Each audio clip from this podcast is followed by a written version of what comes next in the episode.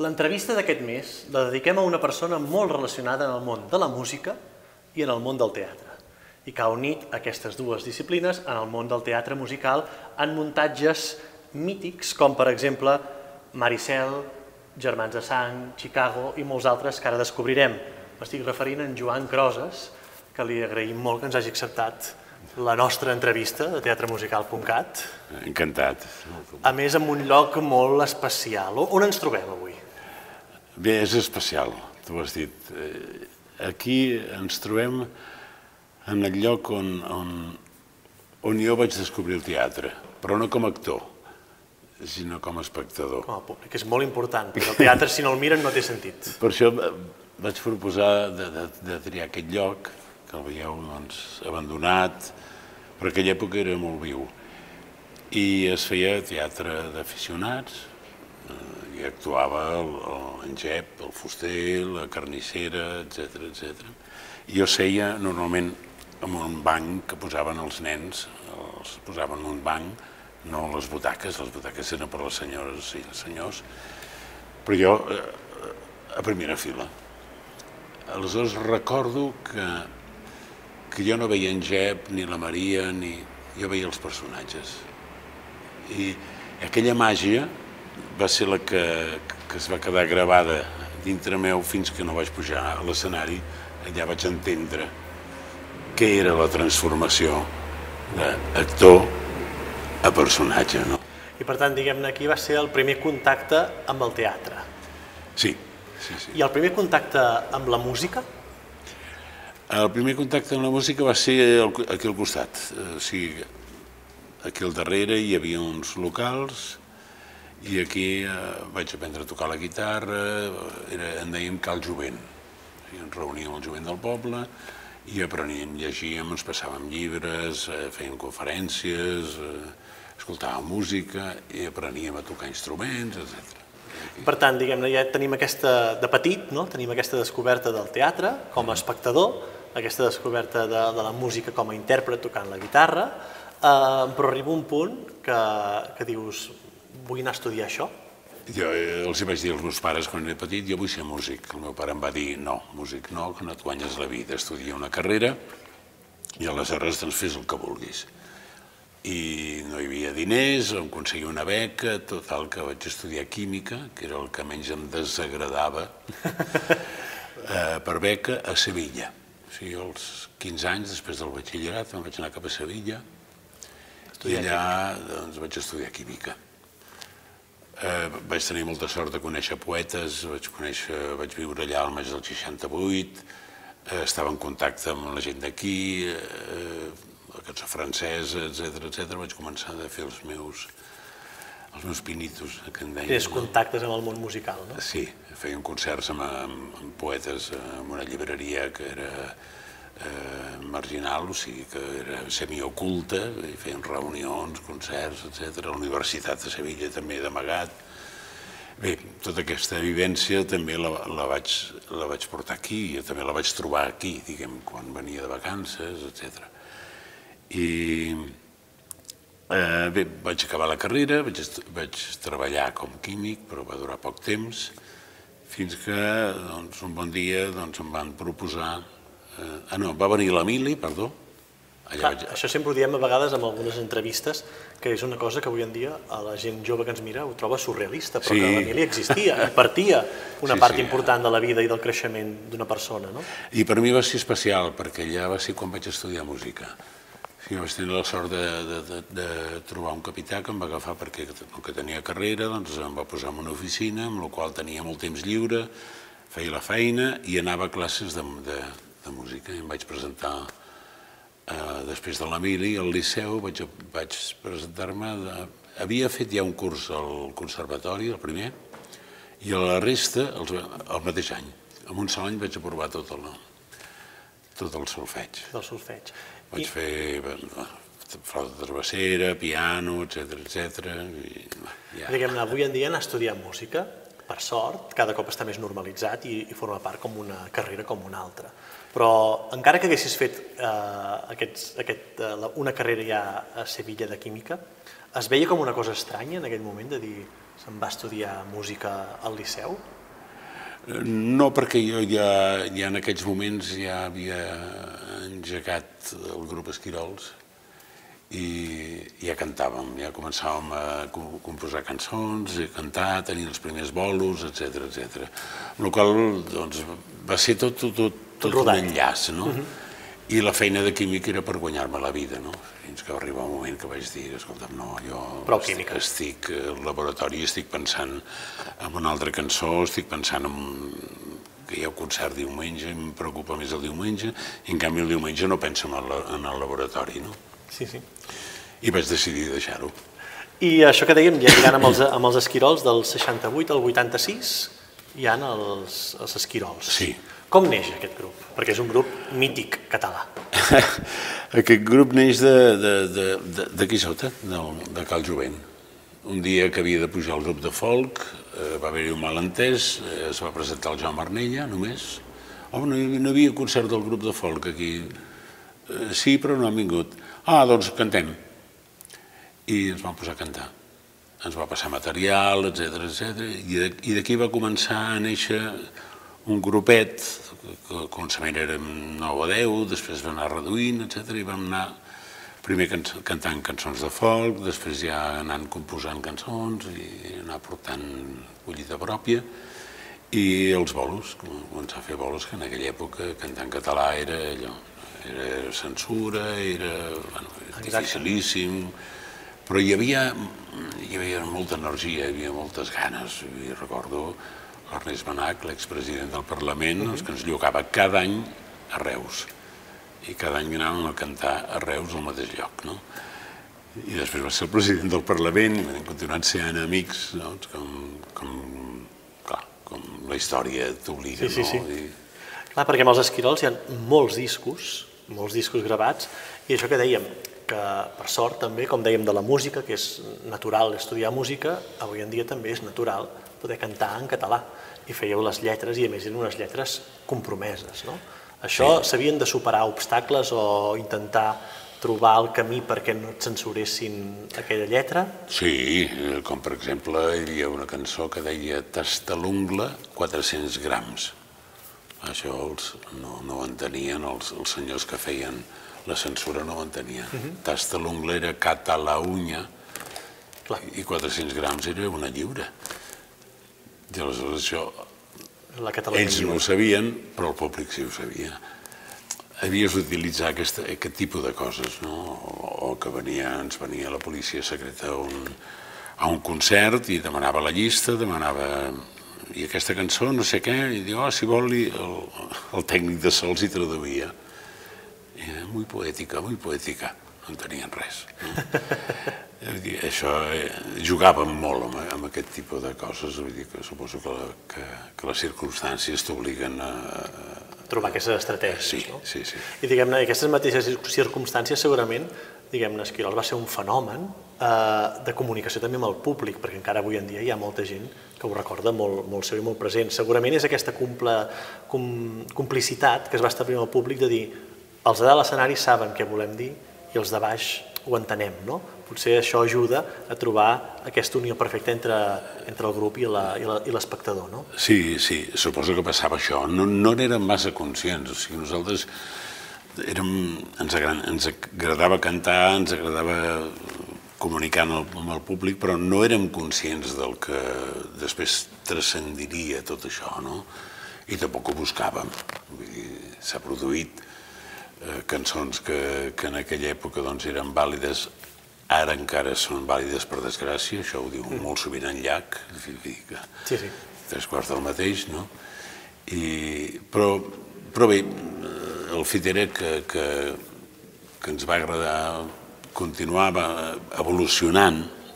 Eh, van ser primer unes cançons molt senzilles, després van anar evolucionant i havia, havia d'arribar un moment en què eh, havia de prendre, no sé com t'ho diria, havia de prendre un estatus una mica més professional. I és clar, això nosaltres, eh, com que ho trampejàvem amb les feines, doncs eh, no va ser possible i llavors vam decidir deixem-ho. Va ser quan va sortir el rock català, va sortir el doble buble, el, el Sau, tot aquest tipus de gent no, que, que va fer créixer tota la història. Tota la música. No? Jo sempre dic que, a més parlàvem amb el doble buble, que són d'aquí, que, que si Esquirols haguéssim continuat, haguéssim acabat fent rock. Perquè jo, arrel de, de, de que vaig deixar la, la feina, esclar, per guanyar-me la vida, doncs, eh, a través d'en Manel Camp, d'en Pep Padró, vaig entrar a donar classes de música a Manresa, a l'Escola Esclat. I eh, vaig fer un curs de, de, de música per nanos, de George Huitac, i vaig començar a estudiar harmonia també. Esclar, la, les cançons també van anar evolucionant. Uh -huh. I a mesura que tu anaves aprenent harmonia, doncs anaves complicant potser una mica més la cosa, anaves...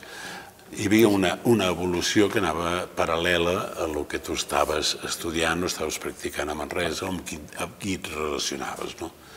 El Manel Camp, doncs, des de llavors fins, fins fa molt poc que fèiem coses junts, doncs, hi ha hagut una relació tant personal com musical molt estreta i una admiració molt gran, no? I, és clar, això, això doncs, eh, va portar també doncs, que arriba un moment en què doncs, Esquirols es trenca i, curiosament, les cançons continuen. Mm. I cadascú pren un altre camí. Camins diferents. No? I d'aquests camins, però paral·lelament crec que encara amb, les, amb Esquirols, o potser després, eh, hi havia que feies espectacles, presentaves espectacles musicals pedagògics. Diguem. Això és sí. una cosa que pot semblar, les paraules que utilitzava poden semblar com molt modernes, molt del segle XXI, la pedagogia musical, però que estàvem al segle XX, això. Sí, una mica era la, la idea de l'escola Esclat, o sigui, ensenyar la música no per, de, de, diguem, de, de palo seco, sinó divertint-te, no? Uh -huh. I, i aleshores... Sentint-la. Sentint-la. I eh, ens vam adonar, va haver un moment en què ens vam adonar que, que el nano era molt receptor a aplicar aquest, aquest tipus de, de música, la pentatònica sobretot, però eh, no era tan receptor a l'hora d'escoltar-la. Aleshores eh, eh, ens vam plantejar de, de, de fer uns espectacles musicals on es mostrés diferents tipus de música, tres en concret com a experiència, perquè el, el nen fos capaç d'escoltar tant música, tant jazz com música clàssica com, com música popular. No? I vam fer tres espectacles. I amb el Manel Camp, doncs, el primer de tots va ser la història del jazz en compte, no? I era un espectacle on s'explicava doncs, l'esclavatge dels negres, la, com com se'ls emportaven, etc i com tot això eh, venia expressat a través de la música i per què aquella música era així, no? I aleshores, eh, i els nanos estaven... Oh, Clar, feia, eh, en definitiva estaves formant potser alguns músics, però sobretot estaves formant espectadors. I oients. Exacte. Que això era... Eh, que els, el, el nano necessitava que, que la música o totes les coses li entressin per tots els sentits, no? I això li donàvem la possibilitat. Després es va fer un altre espectacle de música clàssica, amb l'orquestra de música clàssica, es deia La llegenda de les set notes, a través d'una història, doncs, de les set notes, tal, tal, doncs, la, escoltaven el cant de Pachelbel, l'escoltaven, entens? Uh -huh. I després una altra que es deia la cançó dels tururuts, amb música popular, hi havia una cobla, sortien gegants, sortien capgrossos a l'espectacle, vull dir que era, era supervisual, no? Uh -huh i això em va portar a col·laborar amb el grup Rialles, eh, Cavall Fort, etc etc. I d'aquí, això encara amb Esquirols, eh? Doncs el Cavall Fort va doblar la, una de les primeres, no sé si era la primera pel·lícula en català, que es deia Les aventures de Toby Nelson.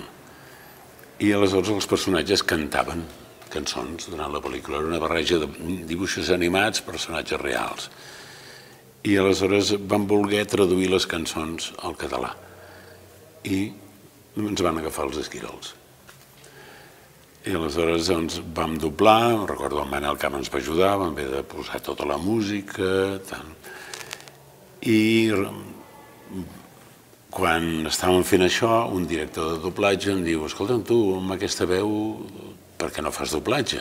Dic, ah, dic, com es fa això?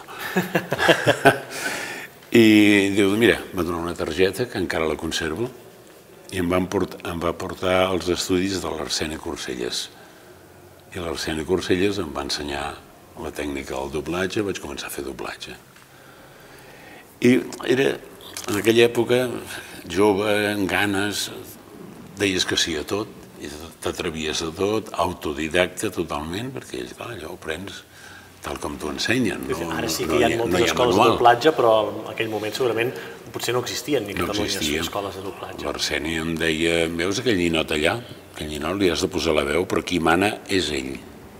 O sigui que fes-li cas, tal com ho estàs expressant, és tal com ho has de dir o tal com l'espectador ho ha de rebre, uh mhm. -huh. però amb una altra llengua. Jo recordo aquesta frase de l'Arseni i vull dir que l'he aplicat sempre, no?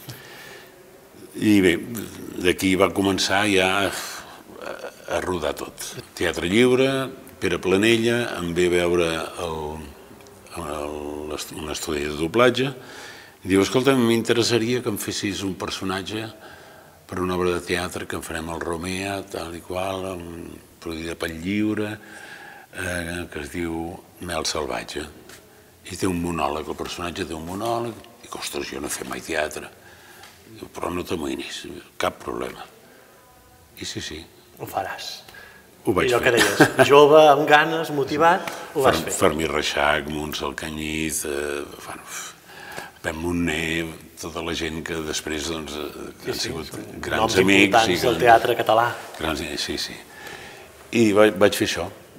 I ja vaig entrar, d'alguna manera, a relacionar-me amb el teatre lliure. Conèixer el Fabià Puigcerver, vaig conèixer el Lluís Omar, l'Analís Saran, etc. I vaig començar a fer papers petits al teatre lliure. Uh -huh. I també, amb això que deies, amb el Fabià, hi havia la bona persona de ser Joana. Aquí va venir, fa, sí, vaig fer la bona persona al Sesuan. Clar, un text de brec, diguem-ne, important, important, i a més dirigit per un geni del teatre Fabià, català, sí, el Fabià. Sí, Com era treballar amb en Fabià? Perquè això no ho pot dir tothom. Era, era, era la imaginació al màxim. Crear un espai, dir-te la, la paraula justa que, que, que necessitaves per poder per poder expressar el que deia el personatge. Clar, jo feia, recordo, tres personatges diferents, no? I, esclar, havia de posar una veu diferent en cada un d'ells, doncs sempre tenia aquella, aquell detall d'ajudar-te, pam, pam. Recordo, esclar, hi havia el, el Lluís, l'Anna, que, que, que jo, jo els veia allà treballar, era, era, pujava tota, tota l'adrenalina, no? I bé, va ser una experiència fabulosa.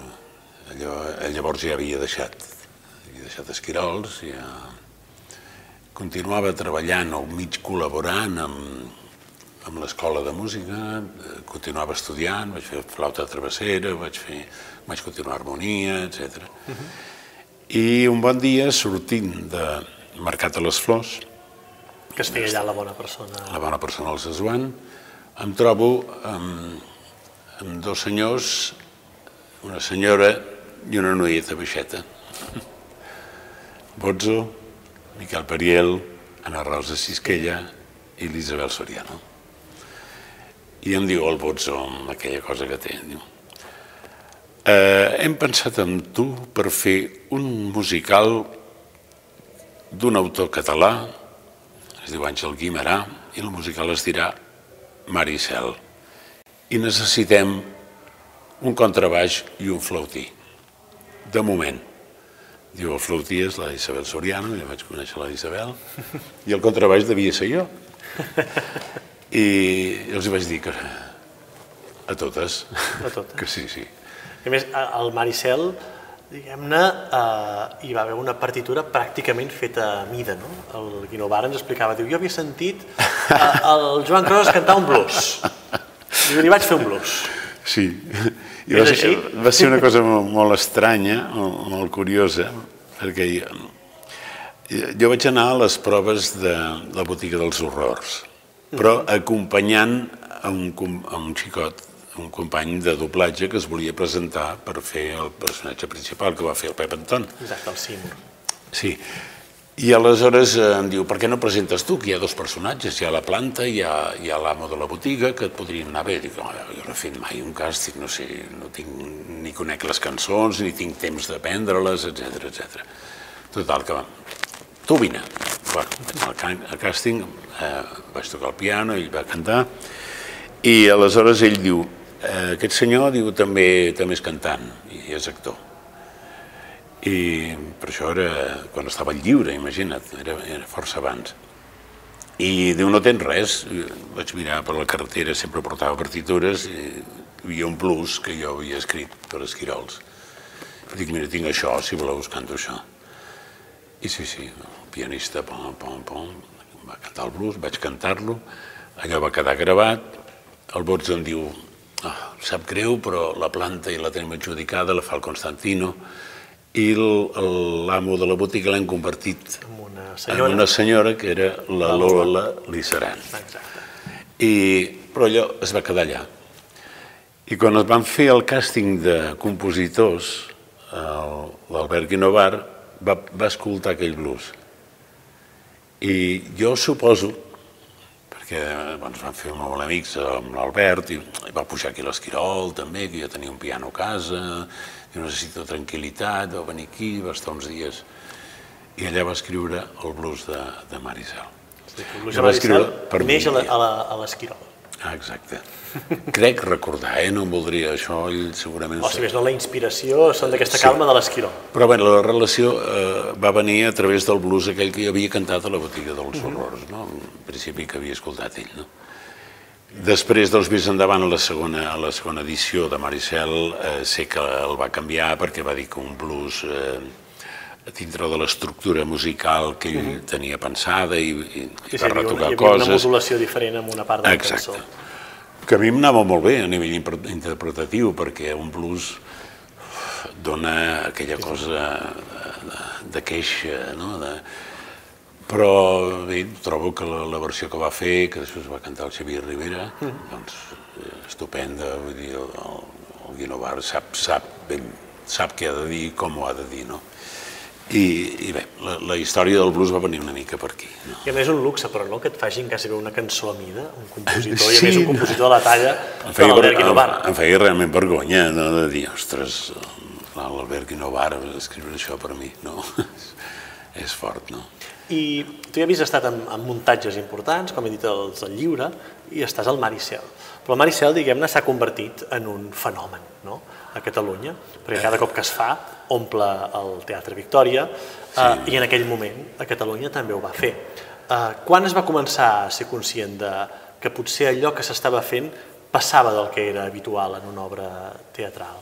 Jo ho vaig notar eh, el, els primers assajos que vam fer amb, amb, amb amics que venien, vaig notar que allà passava alguna cosa especial, una cosa molt diferent. I després, ja quan va venir el públic, ja va ser ja corroborar allò que, que mig conscientment intuïem. No? Crec que el Pep Cruz ho va dir, ho va dir una vegada en alguna entrevista, estem fent una cosa important. Passaven moltes coses. Hi havia una energia especial, hi havia, hi havia un... no sé, no sé, passaven coses. A cada assaig passaven coses. I, i després quan, quan recordo que assajàvem amb, amb un barco, amb un vaixell, bueno, diem barco perquè la cançó deia barco, un simulacre estàtic, de l'escenografia, exacte. Estàtic, i, i esclar, quan, quan es girava, teòricament havia de girar el, el barco, doncs no girava, i nosaltres ens posàvem de l'altre cantó. Uh -huh. Però esclar, el dia que vam assajar amb el barco de veritat, que es va girar, ningú sabia on era, no? I bueno, passaven anècdotes d'aquest tipus, però va ser brutal, brutal. Vam anar Vam fer la temporada aquí, plení, pleníssim, vam haver d'acabar la temporada perquè en venia una altra obra i vam començar una gira, recordo que vam anar amb castellà a Saragossa i sortien unes catalanades a l'obra.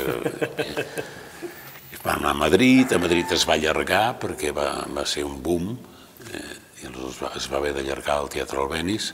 Vam tornar a Barcelona, dos anys vam estar amb la història aquesta. L'Anna Rosa va insistir molt que el tornés a fer, Jo vaig dir, Anna Rosa, per mi va ser molt important.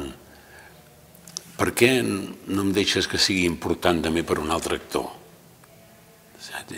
Jo sé que hi ha, hi ha gent preparada que ho pot fer i jo ara estic amb altres coses i és clar que ho podria fer, però podria ser molt important, no? I per això no ho vaig voler repetir, no? I penso que, que, que amb això jo, jo he volgut ser sempre molt, diguem-ne, generós, no? De dir, ostres, si a mi va, per mi va ser tan important, per què no ho pot ser per un altre? No? I si una plataforma, un, un començament, un... No? Sí, sí, un trampolí. Un trampolí, sí, sí. De fet, després amb el Xavier Rivera van coincidir amb altres coses, ja en parlarem, si vols. Sí, tant i tant. Perquè després del Maricel hi ha un muntatge d'aquells referents del teatre musical internacional, que és Els Miserables. Una sí. versió en castellà, més amb un personatge que a molta gent li tenim un carinyo especial, que és el Thenardier. El Thenardier. El, el personatge molt dolent, però són aquells dolents que te'ls estimes molt. Sí, sí, el fill de puta estimat, no? Exacte. Sí. Va ser curiós perquè estàvem fent, estàvem fent la gira de, de Maricel i em vaig presentar el primer càsting de, dels Miserables a Madrid. Estàvem a Saragossa, vaig viatjar a Madrid, vaig passar el primer càsting, van haver-hi cinc càstings, eh? I vam passar els anglesos. Primer era el, el primer càsting amb la directora de, musical, diguem, que ja descartava o tirava endavant. No? Però i el segon va ser amb els anglesos i em vaig presentar per fer el Javert. Uh -huh. perquè o soc baix baríton, o el Javert em va més bé, per tessitura i stars. Cantar a les estrelles, no? Bueno, canto stars, i em ve el Ken Caswell, el primer cop, el director, que després va ser el director, i em diu, molt bé, fantàstic, ho tenim en compte, diu, però vull que tornis amb, amb aquesta partitura. I em dona... Master of the House. Master of the House. De, de, de, jo li dic, uh, excuse me, but uh, I'm, I'm not a comic, I'm, a, I'm an actor. eh, I em diu, precisament és el que busco. No busco un còmic, busco un actor. I que canti. I aleshores doncs, vaig tornar a presentar, total, que es va acabar aquí, es van barallar amb, el, amb la producció de Madrid, amb els de Londres, eh, va entrar una producció americana. Torna a començar, càsting. Jo insistint, Javert, i ells insistint, Thenardier. Un altre director, eh? El mateix, però bé. Total, que no va funcionar la, la versió americana i va tornar al Ken Caswell Aleshores ja van tornar a fer càsting i va dir el, el Joan Crosas no cal, vull com a Thenardier. I aquí va ser com vaig començar a Madrid. A Madrid. I com, com era això? Perquè, diguem-ne, Els Miserables ja era un, un, un espectacle sòlid, això, el que ara s'anomena aquests espectacles de, de franquícia. Sí. Uh, era estrany treballar en aquells moments així, d'aquesta forma? O també es vivia com un somni perquè dius, tinc un director de Londres, de fora, que, que, em, que em dirigeix? Per mi va ser una experiència molt, molt, molt important perquè portava, eh, esclar, aquests directors de, de fora, eh, introdueixen altres tècniques, no? Uh -huh. Jo recordo que, per exemple, un dels treballs que fèiem abans de començar a cantar, abans de començar plantejant-se personatges ni res, ens donava, trobar, arribaves a l'assaig, un full de, de Victor Hugo, de, dels Miserables, i havies de resumir el que deia aquell full en dos minuts i d'interpretar-lo inventant el text, no calia memoritzar, no? I aleshores eh, deia, doncs ara fes-m'ho en mig minut. Digue'm exactament el que m'has dit en mig minut. I patapam. I, i t'obligava... A ser concís. Clar, de dir, ostres, tot això uf, és brutal, no? I és clar, quan vam començar ja a muntar els personatges, teníem aquesta dinàmica de que tot havia d'enllaçar, tot havia de, de, de quadrar i s'havia d'explicar amb el mínim possible, no? En aquella època costava, per exemple, encara els mons estaven molt separats, és a dir, el, hi havia uns que venen al món del cant, de la interpretació de teatre, per dir una manera més de text, mm -hmm. alguns de la dansa, eh, perquè, diguem-ne, la formació encara d'intèrpret de teatre musical a, a Catalunya i a Espanya I, no, existia, no existia com no a tal. Existia, no. Hi havia, eh, hi havia la tradició de sarsuela Exacte. a Madrid. Aleshores, eh, van entrar molts, molts actors de, de la sarsuela que és clar, el que en cas el que va fer és Girant-los i els, Girar-los alguns i- esquemes que tenien el marcats, coixí, no? el, el mitjó, vaja. I, i, i esclar, els que veníem del món actoral i que cantàvem, doncs eh, ens era més, més fàcil, no? entràvem, entràvem més ràpidament. No? Però allà vaig fer grans amics que després ens vam anar trobant a diferents musicals i, i que venien doncs d'això, venien de la sarsuela. Sí, sí. No? Era més, més un estereotip, més una cosa molt concreta, que la interpretació era més, era més la veu que no Sí, sí, que no la... cosa que després ha canviat, s'han fet versions de sarsuela molt, molt bé, molt ben interpretades. i- Sí, sí, tot, és, diguem-ne, és, són noms, però el que s'està fent és explicar una història a través de la música, no? Ah, exacte, sí, sí. Per tant, diguem-ne, són etiquetes. Sí, exacte. Però vas tornar després a Catalunya amb un muntatge que la temporada passada que vam tenir en aquest espai de l'entrevista a la Lloll Bertran, eh, ah. li vaig dir, dic, jo recordo com a espectador estar al poliorama veient Cal dir-ho i recordo que veure, la, el meu record de Cal dir-ho és veure la felicitat a sobre l'escenari. sí. Perquè tots amb les banyes, amb els bigotis pintats, amb el joc de paraigües, era, era, era brutal aquell, aquell espectacle. Com, com ho recordeu els Era actors? molt, molt, molt, molt, molt divertit. Era, era així, aquesta, la sensació que jo tenia com a espectador, vosaltres la teníeu a sobre Sí, l'escenari? sí, sí, totalment. Allà el Flotars es va, es va deixar anar. Eh, acabava, acabava el poligrama i ja tenia el Teatre Nacional, no? I aleshores era l'últim muntatge del poligrama i allà es va, es va volcar, no? I vam, vam disfrutar com camells tots plegats, eh? Vull dir que va ser... Perquè a més era un muntatge que, per qui no l'hagi vist, eh, era un, un vodevil de l'Eugene Lavich, sí. però que no anàveu amb música, però no anàveu amplificats, perquè No. l'orquestra estava al darrere i tot es cantava directament a, Tot a directe, pelo. tot a pelo, sí. Esclar, això permetia el, el, el L'aforament del poligrama, poligrama. la sonoritat del poligrama, i, i bé, clar, havies de, de, de, de, posar la, de col·locar la veu d'una altra manera, etc etc. però, però no, no hi havia problema, no, I com era treballar amb els flotats? molt divertit. Perquè eh, amb el Era- flotats hi havia, era un hàndicap, no? També perquè ell estava dalt l'escenari i també estava baix com a director mirant-s'ho. Sí, perquè curiosament eh, ell va fer un joc que està molt bé, ell, ell per poder dirigir va posar un ombra, o sigui, va posar un actor que feia d'ell, i aleshores d'aquesta manera podia anar muntant i, Tenia els moviments i nets. després, eh, després aquell xicot doncs, eh, va prendre un altre paper, o tenia un altre doble paper, i es va col·locar ell. No? Molt exigent, molt, quan estava director, i quan estava dalt era la, la, el feeling. Era trobar-se i ens trobàvem constantment. Havíem rigut, ens havíem passat pipa, havíem fet les mil i una a dalt l'escenari, però que ningú notava. a Baix, no? I jo, jo el tinc com a gran record, vull dir que jo havia d'haver continuat Miserables perquè ens van tallar el, el, el, d'allò, el contracte i ens van dir ja, ja us avisarem. Això va ser quan va venir el Flotats i, i vaig preferir quedar-me per, per qüestions també familiars que, que d'obligació, doncs m'interessava estar més a la vora, no? I va, va ser una experiència brutal. Vam assajar molts mesos, vam assajar com quatre mesos, que normalment no, no es fa això. És No? comprimit, Sí. el procés d'assajos. Però, però es va assajar molt, molt, molt, perquè era complex, era, era de vodevil, era, eren entrades, sortides, era Les això. sortides, mals entesos, aquestes Sí, coses. sí. sí, sí. I després de- d'aquest vodevil, una obra amb, amb un gran pes dramàtic, també un musical, al Teatre Condal, dirigit pel Ricard Reguant, eh, un narrador que jo crec que, per ser prudent, diria mitja Catalunya recorda aquell narrador. L'Àngel Negre. Exacte. Sí.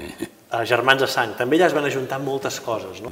Deu ser molt creatiu. Primer per tornar a treballar amb l'Àngels, que ja havíem coincidit a Maricel, i, i amb l'Àngel sempre hi ha hagut... Bé, som escorpins tots dos i jo sóc de l'11 i ella del 12, o sigui que imagina't. I eh, era, era una història molt, molt ben estructurada, potser no tan musicalment elaborada com podia ser Miserables com han sigut altres musicals, però que funcionava. I sobretot arribava, la història arribava.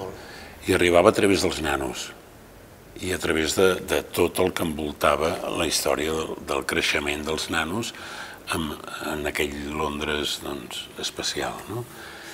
I, i jo recordo doncs, que el, sobretot el personatge, no? d'entrada, un àngel negre premonitori doncs, que sap el que passarà però que no pot evitar que passi, això em va crear un altre, un altre estatus d'actor, de, de, de, de treball d'actor, molt més rigorós, diguem, no? Jo li vaig plantejar amb, amb el Reguant de, de que, que pen, si es podia pensar l'espectacle com un joc de nines, en el qual hi ha, hi ha aquest personatge premonitori que juga amb els actors però que no pot evitar que allò passi. Uh -huh. I li vaig proposar de moure jo l'escenografia. Exacte, perquè obries les cases... Exacte. I, de...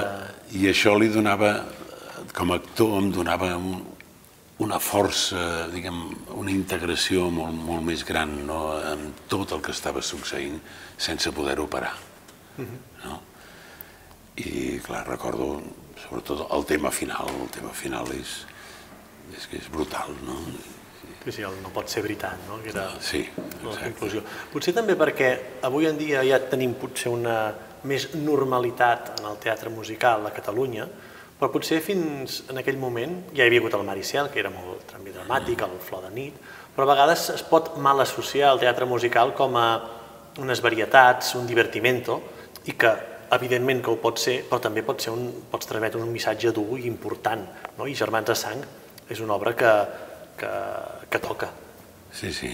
És que, referent a això, a mi sempre m'ha agradat dir-li teatre musical. Exacte. O sigui, que l'expressió és una altra. O sigui, tu quan fas un monòleg de teatre sense música, també d'alguna manera introdueixes una música. Uh -huh. I allà ha pe donada, amb la qual t'obliga a expressar-ho a través d'una música, no? Però no per això has de deixar de ser actor i no per això ha de, ha de deixar de ser teatre, no? D'aquí la gràcia del Thenardier o de, de, del Hassen o de, del narrador... Mm. I, i d'altres personatges teatre musicals no, que, que m'han tocat. No? Sí, sí, explicar una història cantant. Explicar una història, sí, sí. I si no hi ha història, malament. I un altre espectacle que vas fer, que hi havia una partitura, però hi havia una partitura diferent, crec jo, que és pel davant i pel darrere. Una partitura de moviment. De moviment allò que dèiem. Eh, Ritme. És un actor, un actor que està al servei amb disciplines diferents, pel davant i pel darrere hi havia una partitura de moviment, perquè m'imagino que tot aquell tancar, obrir portes, girar a casa, tornar-la a posar, ha de ser complicadíssim de ser sí, sí, era ritme, ritme i coordinació, a la màxima potència. Eh? I, sí, sí, que no et pots penjar ni un moment perquè o no arribes, o fas tard, o fas anar malament Exacte, a un altre. Sí, sí, sí. Allò va ser brutal va ser una altra experiència també d'això, de, de, de fa, fa, fa, fa. Grans, grans espectacles d'aquests. Sí, sí.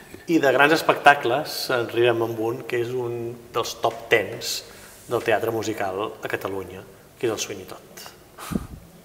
El Sweeney Todd. Que a més el Sweeney Todd, com hi vas arribar? Perquè el, el, el personatge del, del Sweeney Todd estava interpretat per el Constantino el Romero. Constantino, sí. Però, però, vas, eh, però també vas fer les funcions, el, la versió del 95. El Constantino tenia, tenia els seus compromisos i el, el, el, el, el Mario em va, em, va, bueno, em va fer el càsting i jo ho vaig preparar, pots pas imaginar, vaig passar tot tota la partitura a l'ordinador i oh, oh, oh, oh, oh, perquè la partitura és brutal, és, és bestial. No? Vaig presentar, li va, agradar, li va encantar al Mario, aleshores vam compartir, el Constantino feia uns dies i mhm. jo feia uns altres dies. Ell, ell feia normalment els caps de setmana, jo feia els, els entre setmana, no? I, i bueno, va ser el, el, trobar-me, esclar, la, la, la piula, la, la, la, Ai. companys d'escena com la, la Vicky Penya, La la, la Teresa Vicky, Vallicrosa, la la Pep Vicky, Molina, la- exacte, tot el aquest- Xavier Rivera, El Xavier Rivera, el Xavier Rivera eh? que després... Eh, I, i altres que, que, havia, que havia conegut els Miserables, el, el Pedro Pomares, Exacte. etc. Sí. I bé, eh, un bon dia el Constantino Vall es queda fònic, cosa que impensable, una veu com la del Constantino quedar-se fònic. Aleshores, eh, fa la primera part de la funció, em sembla recordar, bé, que em queda una mica entre núvols, sé que el Roger Penya em truca, diu, escolta, vine corrents que el Constantino s'ha quedat afònic, no pot, i has d'acabar la funció tu, o alguna cosa d'aquesta. Total que vaig entrar jo, el Constantino està totalment afònic durant un temps i, i, vaig haver de fer totes les funcions jo. I aquí em vaig quedar. Vam acabar a Barcelona, vam anar a Madrid eh, i, i vam acabar de la segona temporada eh, a Madrid. I es vivia aquí com que, es, que allò era una cosa gran o impactant? Perquè no sé si vas viure tu la nit que Stephen Sondheim va trepitjar No hi era jo, el, però el, uf, el teatre van Poliorama. explicar que- I clar, diguem en paraules del mateix autor, que dius, el, quan jo escrivia el Sweeney Todd m'imaginava això que he vist avui aquí. It's, Clar, my, it's my Sweeney.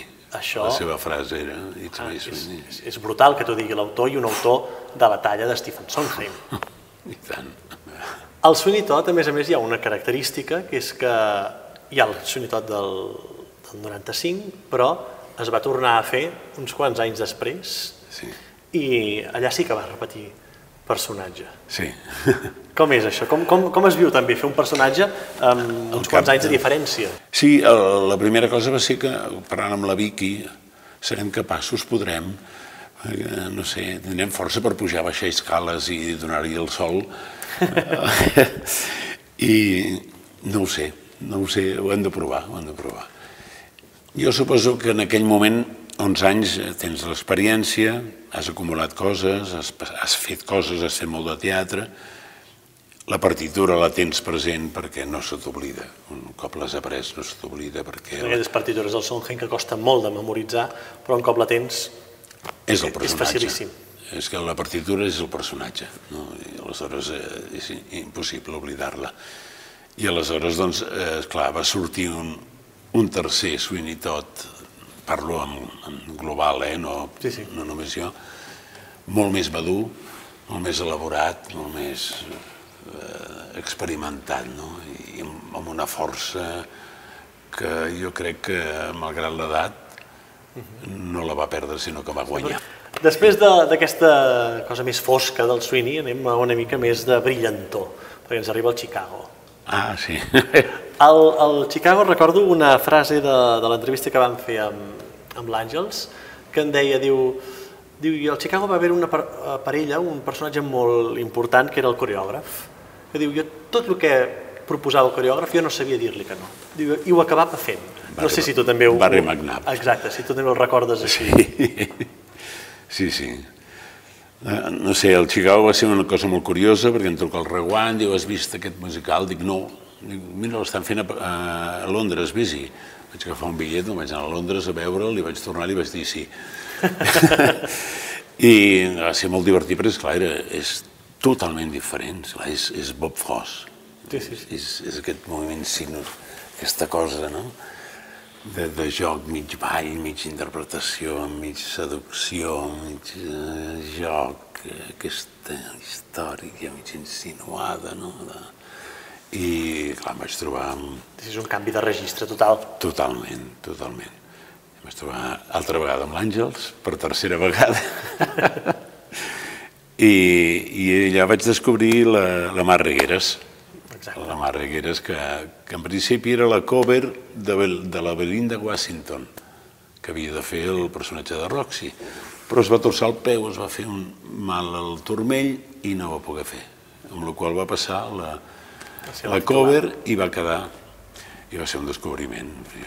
Va ser brutal, una química, ja amb l'Àngels la teníem, doncs amb ella la vam agafar i el joc va ser fantàstic i, amb el reste de la companyia, vull dir que la música en viu, els, els músics allà mateix eh, interactuant amb nosaltres, tot, tot era una, una barreja però llançada cap al públic i, i amb aquella cosa. Sí, sí, la sensualitat del Aquest swing, no? aquesta cosa que se t'emporta, no? I no sé, no en soc massa conscient si va ser per una cosa o per l'altra, però jo sé que, que el públic allà disfrutava i nosaltres també. I era duríssim, eh? era un espectacle dur, dur a nivell de l'Àngels i de, de la Mar i de tots, vaja. Era a nivell coreogràfic. Però és que el barri Magnap, esclar, venia de Bob Fossi. I ha sigut el darrer ajudant del Bob Fossi. Sí, sí, que tenia, deia, tenia unes cintes de caset que tenia gravacions del Bob Fossi dient aquí quan vol dir això. Sí, I llavors sí. ho provaven, no? Deien, I, i la, la química Reguant, eh, Barri McNabb, va funcionar molt bé. Perquè la, una de les escenes difícils, complicadíssimes, era el judici. Uh -huh. I, I aleshores, entre el Reguant i el Barri McNabb, un a nivell interpretatiu i l'altre a nivell coreogràfic, van, van construir un judici realment amb, aquell, amb aquest ritme pa, pa, pa, que no parava pa, pa, pa, pa, pa, pa, pa, pa, pa, pa, pa, pa, pa, pa, pa, pa, pa, pa, saps allò que dius hòstia, què passa aquí de Chicago ens anem a un altre dels grans musicals, un d'aquells musicals que també han passat a Nova York i a Londres grans actors, que és el My Fair Lady. sí. Que a més aquest, si no m'erro, van donar-te un premi, no? Premi Max. Sí, sí. Com sí. es viu això? Els premis aquests ajuden realment en, el, en algun moment de dir, bueno, doncs potser té sentit que faci això, t'anima, o dius, sí, m'anima, però jo sóc el mateix i continuo? Bé, aquí van passar moltes coses, moltes coses. Hi havia set nominacions de, de My Fair Lady i només va sortir la meva. Eh, després hi havia el fet de que, per sort, vaig tenir un, un equip eh, de, de ballarins i de, de companys excel·lents i aleshores eh, vull dir que el premi va ser per ells, vull dir que jo, jo el vaig haver d'anar a buscar, però allò en realitat... Diu, era, allò que es diu sempre és veritat, que el teatre és un joc d'equip. És un joc d'equip, i allò era un joc d'equip. L'energia d'aquells dos números eh, de, del, del Dolittle eh, era, era, era tot, era tots els, els gairebé 40 ballarins que sortien en escena. Sí, era una superproducció. Era brutal, no? I amb una energia que s'entregaven cada dia, no? I aleshores, eh, eh, jo crec que el, el premi és això, no? ha de ser això. No? I després també depèn, depèn molt també de, de, de, de les circumstàncies, no? de, de, de, de que es produeixen, amb qui competeixes, amb qui no, qui et mm. vota, qui no et vota... No sé, vull dir, el, sí, sí. vaig anar a buscar allà el premi i el primer que vaig fer va ser dedicar-lo a la companyia i que són els que s'ho mereixien, no? Ja està. I ja està. Després es queda allà un armari i avall. També de, de, hem dit que he treballat a Catalunya, a Madrid, amb directors de Londres, però també hi ha un director important, a vegades no tan conegut, sembla, per al món del teatre musical, però que és important, el Jerome Saverí. No? Clar, vosaltres més joves no el coneixeu, però jo sí recordo el Magic Circus, eh, que va ser, va ser trencador. Jo vaig a veure el Magic Circus als anys 70 o per allà, no recordo exactament. Sí, sí, són... Doncs, esclar, vaig veure allò, dic, ostres, el que es pot arribar a fer en teatre i amb, i amb música i amb... I es fa un respecte quan has vist muntatges d'aquests grans noms, d'aquests directors, o que t'han aportat moltes coses i que llavors anys després et truquen per treballar amb ells? Eh, amb la, la història amb el Jerome va ser curiosa perquè va, va anar per, per parts. O sigui, recordo que estava, estava fent al Teatre Romea, crec, un espectacle, un musical. El tango de Don Joan? El tango de Don Joan, exacte, sí. Aleshores, un dels actors es va, es va trencar un dit, eh, no sé què va passar, i em truquen parlant demà si podia anar-lo a substituir. Jo al vespre corrents aprenent-me un bolero que havia de cantar, no sé què, no sé quantos, total que em presento al teatre, diu, no, no, el farà amb el, amb el peu embenat. Eh, cap d'uns anys es presenta altra vegada al Tívoli, em sembla que era, amb un espectacle, no sé què, de jazz. Total que a mitja funció un actor es mor, un atac de cor i es mor. Aleshores em, em truquen corrents que hauràs d'anar eh, a substituir aquest actor. I, total que al final la companyia va dir que, que assumia el paper entre tots i no ho vaig haver de fer. La segona. Cal dir que aquesta funció que la companyia va assumir, el, el, això que acabes de dir, jo la vaig anar a veure, aquella funció de la revista negra, i va ser una funció eh, emotiva, però 200%, eh? perquè ens van sortir abans la companyia a explicar-nos, ahir va passar això, però avui continuarem fent la funció i va ser un moment, com a espectador i com a, com a intèrprets, allà es va fer una comunió total del teatre, que era, és allà al Tívoli, que és la, la recordaré, perquè és, va ser impactant, eh, això. Doncs, doncs eh, aquí, bueno, el Jerome Sabarí el vaig conèixer de passada, eh? sí, allò, hola, hola, de papà, i prou, no? Després, doncs, un bon dia, em truca el mateix Jerome Sabarí, parlava castellà, saps que ell és d'origen sud-americà, tot i que jo, doncs, de petit havia estudiat parlava francès des de petit per tenir uns cosins a, a França, mm. anava a estiujar a França, i aquestes coses que aprens de petit doncs et queden per sempre, no? Sí. Però bé, en castellà, diu. Eh, M'interessaria que vinguessis a, a, un poblet que hi ha a la vora de Béziers, que jo tinc una caseta, passar un cap de setmana a mi, que vull conèixer perquè vull fer una proposta. I sí, sí, cap allà. Vam passar el cap de setmana allà, i me'n recordo que diu, diu t'estaré esperant a l'església del poble perquè el, la casa meva... I bueno, el vaig veure, el vaig veure aparcat a l'altre cantó, aparco el cotxe, baixo del cotxe, em mira, amb el puro i el barret. Diu, sí, ets el meu quixot. Només va dir això. I vam anar cap a casa seva, em va començar a explicar la història, etc etc. i i aleshores jo tenia una altra oferta d'una altra musical i havia de decidir. Sí, una o l'altra. Una o l'altra. I vaig dir, no, me'n vaig a França. I me'n vaig anar a França.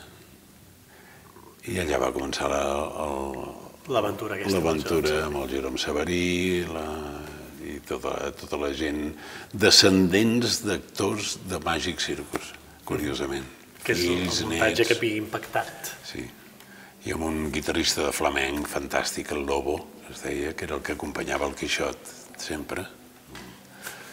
I va fer un muntatge molt original. Va, va muntar com tres hores d'espectacle per fer una hora i mitja seguida.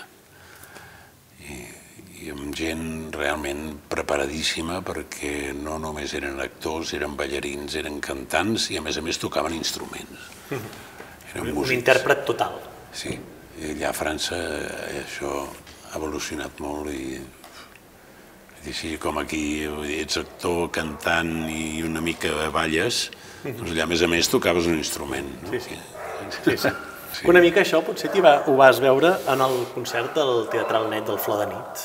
Allà hi havia moltes generacions ja d'actors. Moltes generacions, moltíssimes, sí, sí. Per tant, diguem-ne, hi havia generacions d'actors que és una mica allò, m'he trobat en les circumstàncies que mm, sóc actor de teatre musical, però jo sempre dic que hi ha les generacions dels que tenim uns 30 anys, no? de, o 30 llargs, que vull ser això ja.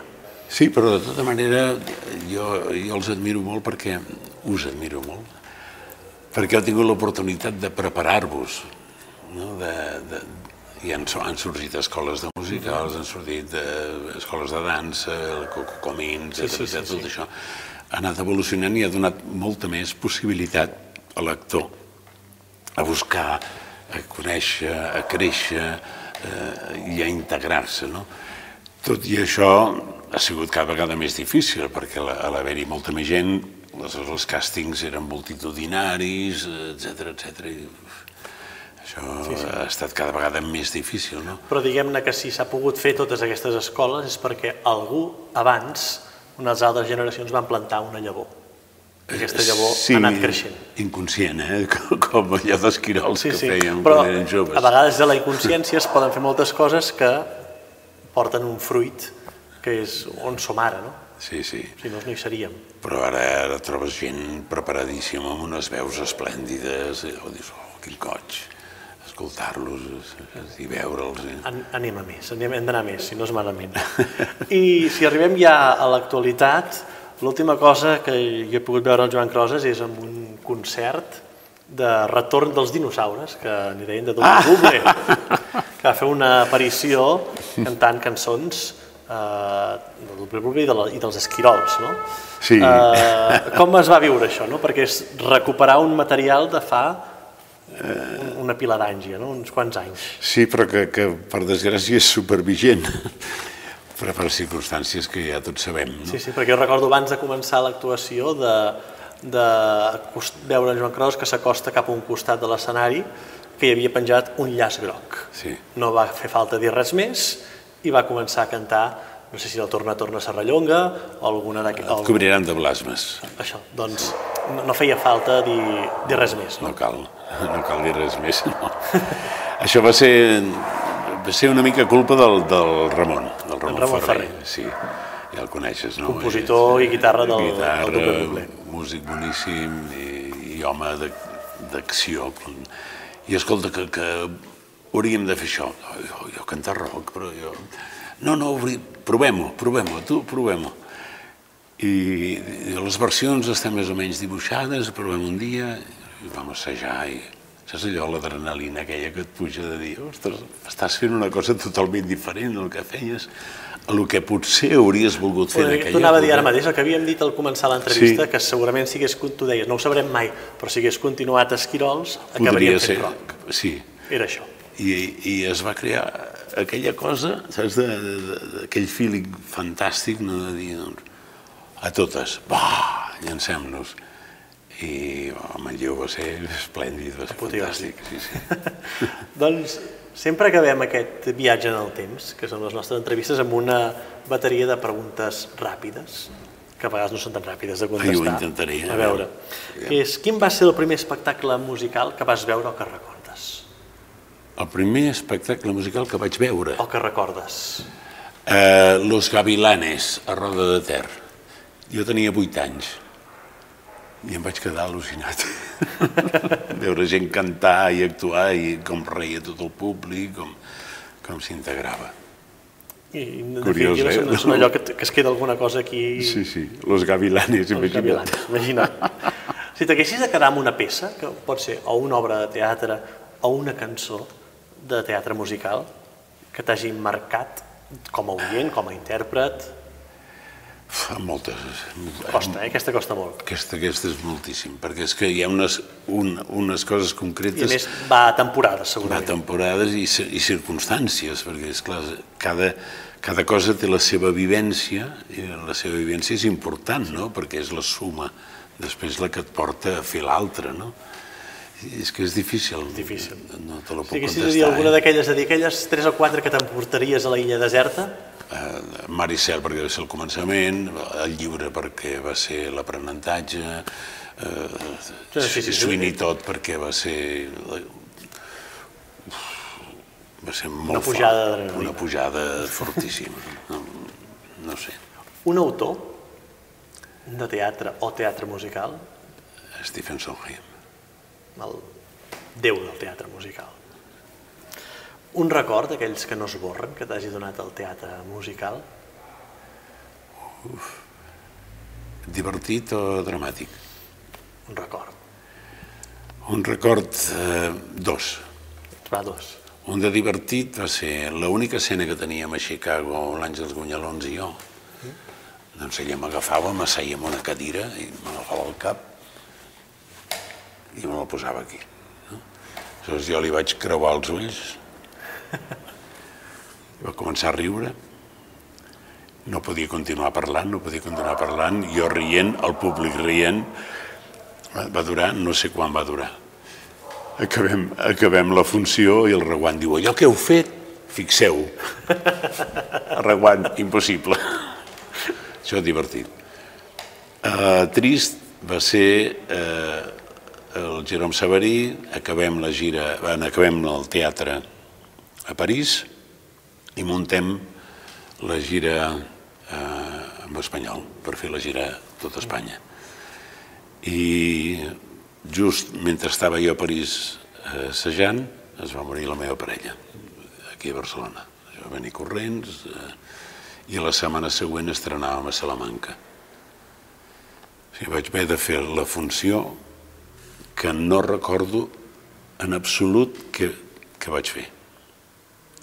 I quan tu comentaves allò de la revista negra, al final de l'actuació el Jerome Sabarí va fer callar el públic i va dir avui aquest senyor ha fet la funció d'aquesta manera.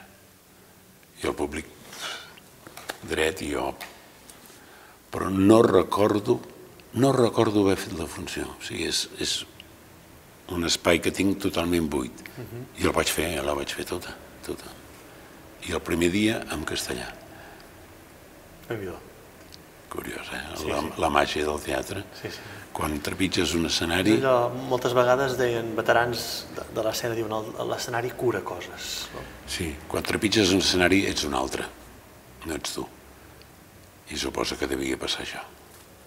I cada vegada que, que trepitja un escenari, aquest que té la seva història, dintre de la seva humilitat, humilitat, doncs, doncs té això, no? aquestes quatre fustes, entres i el moment en què comences a parlar ja no ets tu. I ets una altra persona. I la darrera, què és allò que per tu només té el teatre musical? Molts cops, tant la gent que li agrada el teatre musical com els que no diuen, és que els musicals tenen aquella cosa, una cosa que toca diferent. Sí, a, a mi personalment és, és el repte.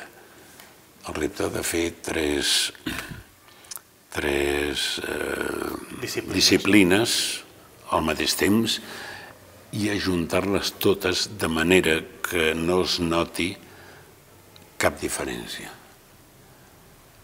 Ja, això, per mi, el, el teatre musical és, és això. La suma de les disciplines. La suma d'aquestes tres disciplines, sense que es noti. Perquè hi ha molta gent que diu, oh, és que ara empiecen, acaben de, de parlar, de parlar i, i després es posen a cantar. Doncs a mi la gràcia és que, que tot sigui una continuïtat i, i es pugui jugar amb, amb l'actitud i amb la relació amb el públic d'aquesta manera, no? tot, que tot flueixi. Doncs espero que t'hagi agradat fer aquest viatge en el temps. Déu-n'hi-do. Déu-n'hi-do, però és això, allò que dèiem abans de començar, off the record, no, no, no hi ha llibres que expliquin això, doncs ho hem d'explicar d'alguna manera, perquè és important i forma part de la història d'un país. Aquesta és la gràcia d'estar jubilat, veus? que es poden explicar aquestes històries. Es poden explicar des del banc, no? I, oh, si fos ara. doncs moltes gràcies per haver acceptat la nostra proposta. Molt bé, encantat. I amb vosaltres ens retrobem d'aquí un mes a la propera entrevista.